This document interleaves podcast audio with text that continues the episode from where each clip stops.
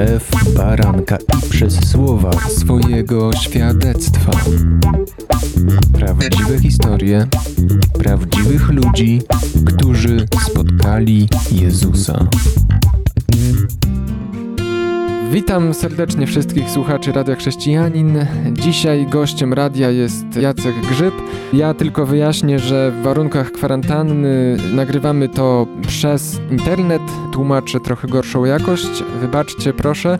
Jak zwykle na początku stawiam pytanie o Twoją historię. Jak do tego doszło, że spotkałeś Boga? Od jakiego dna się odbiłeś? Tak mówiąc subiektywnie, bo każdy ma swoje przeżycia w jakim miejscu Bóg cię odnalazł? Ja mam wrażenie, że y, jestem bardzo typowy, jeżeli chodzi o, o, o, szukanie Boga. Na zasadzie, że po prostu Bóg zawsze był w moim życiu. W rodzinie nawet u mnie był dosyć mocno kultywowany kontakt z Bogiem. Ja byłem ministrantem. Ale czy to znaczy, że szukałeś, byłeś świadomy, czy po prostu z perspektywy czasu to widzisz? Z perspektywy czasu, y, y, no może nawet nie o to chodzi, bo generalnie na samym początku ja widzę Boga, y, jak jestem młody, do 14 gdzieś roku życia, do 13 roku życia, gdzieś jako osobę, czy nawet nie osobę, jako kogoś, kogo trzeba czcić, jakiegoś takiego pana z brodą, wyimaginowanego troszkę. Natomiast wiedziałem, że, że jest, że jest ważny, modliłem się do niego, jeździłem na oazy dzieci bożych, byłem ministrantem, służyłem do mszy, chodziłem na pielgrzymki, e, paciorek mówiłem codziennie rano. E, i u mnie w domu też tak jakby troszeczkę taka było, takie było nastawienie, że Bóg jak najbardziej jest potrzebny, no a ponieważ byłem najstarszy, to jeszcze mnie chcieli wrobić, że będę księdzem, no ale się udało, że nie. I generalnie później nastąpił taki maksymalny odwrót, 180 stopni. Zacząłem gdzieś w ósmej klasie słuchać muzyki bardzo ostrej, metal, death metal i strasznie pociągała mnie ta subkultura, co się tam dzieje w ogóle, jak to wygląda. Zapuściłem sobie długie włosy. Bardzo mi się podobało to, że to jest taka właśnie wolność, niezależność, że to ja sobie sam decyduję o sobie i o wszystkim, co się dzieje. I od tamtego momentu odwróciłem się od Boga z uwagi właśnie na między innymi zespoły, których słuchałem, tak jak Cat, czy, czy nie wiem, The Side, czy wszystkie inne, te teksty były takie nasączone satanizmem. Sam zacząłem wyznawać szatana jako swojego pana wtedy, mając te, nie wiem, 14 lat. Bawiłem się w jakieś czarne msze, jakieś, no straszne dziwne rzeczy generalnie. No i zaczął się w moim życiu taki spadek, bym powiedział, że typowa destrukcja się rozpoczęła. Coraz więcej zaczęło się alkoholu, zaczęły się narkotyki i to tak ściągało mnie w dół bardzo mocno. Oprócz tego, że ten odwrót od Boga miał wpływ na twoje osobiste życie, to czy byłeś wojującym, ateistą czy satanistą? Nie, oczywiście, że byłem wojującym satanistą. Nosiłem krzyże odwrócone, chodziłem w takich wtedy czarnych bluzach z pentagramami. Mocno się wkręciłem w subkultury młodzieżowe i konkretnie właśnie w te takie death metalowe. Były takie miejsca, gdzie mogłem to jakby robić. Tak było bardzo dużo takich podobnych do mnie wtedy ludzi, tak? I czułem, czułem się wtedy zaakceptowany, czułem się, że miałem jakby pewną grupę e, odniesienia i, i faktycznie wojowałem wtedy dosyć, dosyć mocno. Czytałem nawet Pismo Święte tylko i wyłącznie po to, żeby znaleźć przykłady na to, że Bóg jest beznadziejny, że jest bardzo zły, e, ewentualnie, żeby się dowiedzieć, jakie są imiona diabła, co ten diabeł tam robił i że na pewno ten diabeł nie przegrał, tylko ten diabeł wygra. I generalnie e, szukałem, nie wiem, u Amosa, u Izajasza, u Jeremiasza, gdzieś w Apokalipsie, wszędzie, gdzie się dało, tak naprawdę mieliłem to, pisałem sobie pioseneczki, jakieś graliśmy w zespołach metalowych, biliśmy się, no typowa destrukcja, powiem szczerze. No. A z czego to wynikało? Czy był jakiś moment przełomowy, kiedy ty stwierdziłeś, że Bóg jest głupi, czy coś cię zgorszyło może? Dlaczego tak się bardzo zaangażowałeś? Czy to była tylko kwestia właśnie grupy rówieśniczej? Takie mam wrażenie, że początkowo to była grupa rówieśnicza, z którą wyrastałem. Pomimo e, wielu różnic postanowiliśmy jakby wejść w jeden rodzaj muzyki i ta muzyka nas bardzo mocno pociągnęła. Spodobały nam się Jarociny, to co było wtedy w Jarocinach. Czarne msze, wyciąganie jakichś tam kotów, jakieś takie dziwne historie. Nas to częściowo śmieszyło, ale z drugiej strony nam się to podobało, że to jest takie o, jesteśmy zupełnie inni, jesteśmy awangardowi, jesteśmy tacy nie po kolei, że tak powiem, nie tacy ułożeni, nie tacy wymuskani. Nam się to naprawdę wtedy podobało i jakby to było wyrażenie sprzeciwu przez nas i ta muzyka, kiedy zacząłem się w nią wkręcać, kiedy ona mi jakby już po jakimś czasie zaczęła się podobać. Zacząłem też wnikać w jej teksty i te teksty powodowały, że zaczynałem odbierać, że jednak nie, to jednak nie Bóg, bo ja tylko chodziłem na tą mszę, tam jakby nie miałem z nim kontaktu, a tu miałem realne relacje. To były osoby, które gdzieś były blisko, to były przyjaźnie, tu były, nie wiem, wspólnie śpiewane piosenki, to były wspólnie grane piosenki. Kiedy postanowiłem, żeby się zaangażować, to po prostu nastąpił totalny, no, odwrócenie się. Rozumiem. To jak było później? Ale to trwało tylko No. 3-4 lata generalnie. No Później właśnie, po tych właśnie, to po przerwie, po piosence bym cię dopytał, co było w dalszym twoim życiu. Teraz muzyczna przerwa. Słuchasz Radia Chrześcijanin, ewangelicznej stacji nadającej z myślą o Tobie. Wracamy do rozmowy z Jackiem i jego świadectwa. Powiedziałeś sporo o tym, jak oddaliłeś się od Boga w czasach szkolnych. Co było później? Później nie był mi ten Bóg potrzebny w zasadzie. On był gdzieś, e, tak, tak to odczuwałem wtedy. Gdzieś ten Bóg był w momencie jakichś świąt. On się wtedy pojawiał na zasadzie, dobrze, pójdziemy gdzieś razem na jakieś spotkania, ale nie do kościółka, nigdzie do żadnego kościółka. W zasadzie tylko i wyłącznie po to, żeby, no, żeby się spotkać z rodziną. Tak? I wyjechałem wtedy za granicę i tam za granicą postanowiłem się pozbierać, samemu się ogarnąć w jakiś sposób. Pozwolić sobie na to, że nie wiem, że stanę na nogi i że pokażę, że jestem jakimś tam, nie wiem, jakimś kimś, że się to uda na 100%. I miałem mnóstwo pomysłów na siebie, byłem bardzo niezależny i gdzieś jakby w jakiś sposób, e, nawet mi się to udawało w wielu wypadkach. Zostawiłem papierosy wtedy, w tym okresie. Na sam koniec postanowiłem, że nie będę już dotykał alkoholu, nie? No i generalnie nawet wydawało mi się, że jestem w tym całkiem niezły. Jesteś porządnym człowiekiem. I że jestem tak, jestem coraz bardziej porządnym człowiekiem, pracuję, zarabiam, radzę sobie, mam dwie zdrowe ręce, nikt mi nie musi nic jakby specjalnie darować, samowystarczalny, super fantastyczny generalnie. No ale niestety w tym okresie z moją przyszłą żoną miałem dosyć trudny okres i postanowiłem wrócić do Polski, żeby jakby być z nią razem. Zobaczyłem, że nie jestem do końca w stanie sobie sam poradzić z tymi wszystkimi moimi problemami. Pomimo tego, że deklaruję, że jestem taki super, to, to w wielu wypadkach nie, nie domagałem. Gdzieś gdzieś mi ciągle brakowało. Czyli dopiero w bliższej relacji, w relacji z dziewczyną zobaczyłeś, że są w tobie pewne braki, których nie potrafisz y, odbudować i sprawić, że będziesz y, taki, jakim chciałbyś siebie widzieć, tak? Częściowo tak, częściowo tak. Ona mi pokazywała, częściowo mówiła mi, że to jest nie w porządku, nie jest tak, jakby ona sobie to jakby gdzieś wymarzyła. Akceptowałeś te uwagi, czy buntowałeś się? No oczywiście bardzo długo byłem synem buntu i, i jakby nie było, nie było takiej możliwości, żebym mnie zaakceptował w 100%. Natomiast, żeby jakby e, uzyskać częściowo święty spokój tak zwany, postanowiłem też sobie poradzić w jakiś sposób taki zewnętrzny, więc poszedłem na terapię, żeby przegadać parę tematów, które są w moim życiu, że właśnie tak się dzieje, że nie wiem, że się odwracam, że jestem właśnie taki zbuntowany, że jestem taki emocjonalny bardzo. Plus oczywiście te moje uzależnienia, które gdzieś przez lata jak się rozwijały, prawie 10 lat, czy nawet 15 lat y, używałem narkotyków i alkoholu, więc generalnie to dosyć mocno się odbiło na moim życiu i ta terapia, miałem wrażenie, ona owszem zaczęła mi pomagać, zaczęła mi prostować, zaczęła mi pokazywać y, pewne rzeczy.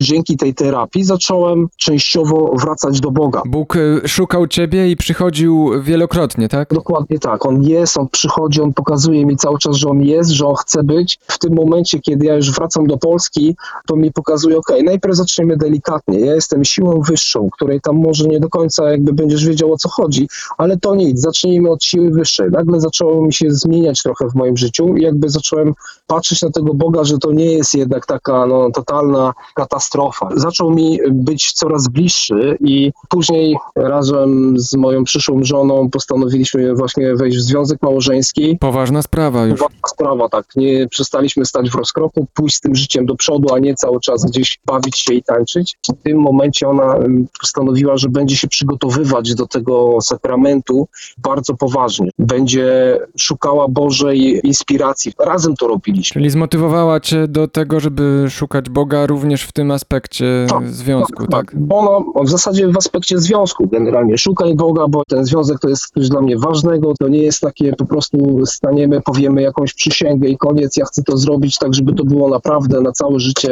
I e, do tego mi jest potrzebny Bóg. No to dobrze, właściwie zmotywowała cię, ale czy w tym etapie już Bóg był kimś osobowym, z kim można nawiązać relacje, czy jeszcze nie? Jeszcze nie, to była sytuacja w zasadzie, kiedy zaczynałem go szukać przez różnych e, nauczycieli, kaznodziei. Najczęściej wrzucałem sobie na uszy szóstaka, kogoś w tym stylu. On wtedy przybliżał mi Boga, pokazywał, że Bóg jest dobry, sprawiał, że jego obraz był dla mnie zdecydowanie lepszy. A ja pamiętam jeszcze z twoich opowieści przed audycją e, takie epizody swojego życia, kiedy wykpiwałeś wiarę i wręcz prześladowałeś e, tych, którzy mówili o Bogu. Dokładnie tak było. Tak? To był mniej więcej ten okres, tak? To jest ten okres, kiedy jeszcze jestem przed związkiem małżeńskim i już wiedziałem, że jest, jest ważny, natomiast nie jest właśnie osobowy, że, że jakby ktoś, kto mi cytował Pismo Święte, to był dla mnie po prostu jakiś wariat. Jest napisane, ile lat żył Adam. To wydawało mi się wręcz niemożliwe, więc generalnie kłóciłem się o to i byłem częściowo takim prześladowcą osób, które biblijnie wierzyły, tak? Ale można powiedzieć, że to był również po trochu twój wewnętrzny konflikt. Tak, zdecydowanie, zdecydowanie tak. Ja jakby nie znając Boga osobowo, uważałem, że to, co ja znam, jest jedyne, prawdziwe i, i koniec. I nie ma, nie ma innej możliwości, więc oni na pewno kłamią, bo jakby mówili prawdę, to ja bym musiał się zmienić, a to było drugą stronę. To jest niemożliwe, żebym się zmieniał. No jak? Przecież i tak się zmieniam. Tyle robię, tak? Cały czas coś robię. Chodzę na jakąś tam terapię. Gdzieś tam y, zmieniam swoje życie. Tu gdzieś jestem i Starałeś się to robić o swoich siłach? tylko. Wiesz co, ja chciałbym zapytać cię już po kolejnej przerwie na piosenkę, jak się to skończyło, w sensie jak razem z żoną odnaleźliście Boga i nawróciliście się, ale to już po przerwie muzycznej. Słuchasz Radia Chrześcijanin, ewangelicznej stacji nadającej z myślą o Tobie. Wracamy do rozmowy z Jackiem i jego świadectwa. Chciałbym, żebyś przyspieszył trochę i powiedział, jak to było, kiedy z żoną żeście spotkali Boga jako kogoś osobowego, komu warto powierzyć swoje życie z całym przekonaniem, że to jest najlepszy krok, jaki można w życiu zrobić. Po ślubie, e, kiedy moja żona była w ciąży z moim pierwszym synem, chodziliśmy jeszcze wtedy do, do kościoła e, katolickiego. Ja przez długi okres w ogóle nie wiedziałem, że istnieją inne kościoły na całym świecie, w Polsce i w ogóle.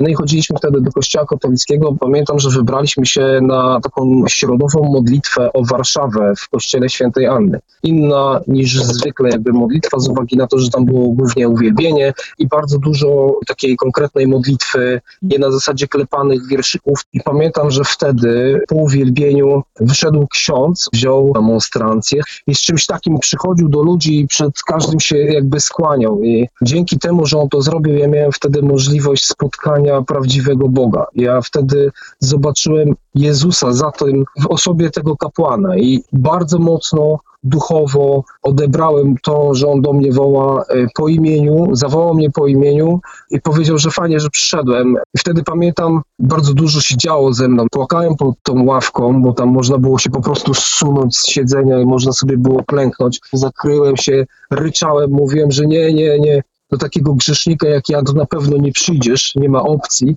On mimo wszystko tam stał, cieszył się z tego, miałem taki pokój w sercu, że on, że on mnie zaakceptował, że on mnie przyjął. To trwało niezbyt długo, może z pięć minut generalnie e, samej takiej, e, takiej relacji z nim. Jak powiedział Piotr w spotkaniu z Jezusem, odejdź ode mnie, Panie, bo jestem człowiekiem grzesznym. Jestem bardzo grzeczny. Wtedy byłem naprawdę, tak się dokładnie czułem, że jestem po prostu strasznie brudny i nie wiedziałem dlaczego najwyższy Bóg, Bóg, który jest jedyny i prawdziwy, chce przyjść do mnie, do mnie konkretnie, znając moje życie i znając moje postępowanie względem Niego i wyciąga do mnie rękę. I No zamiotło mnie to, po prostu mnie to zamiotło.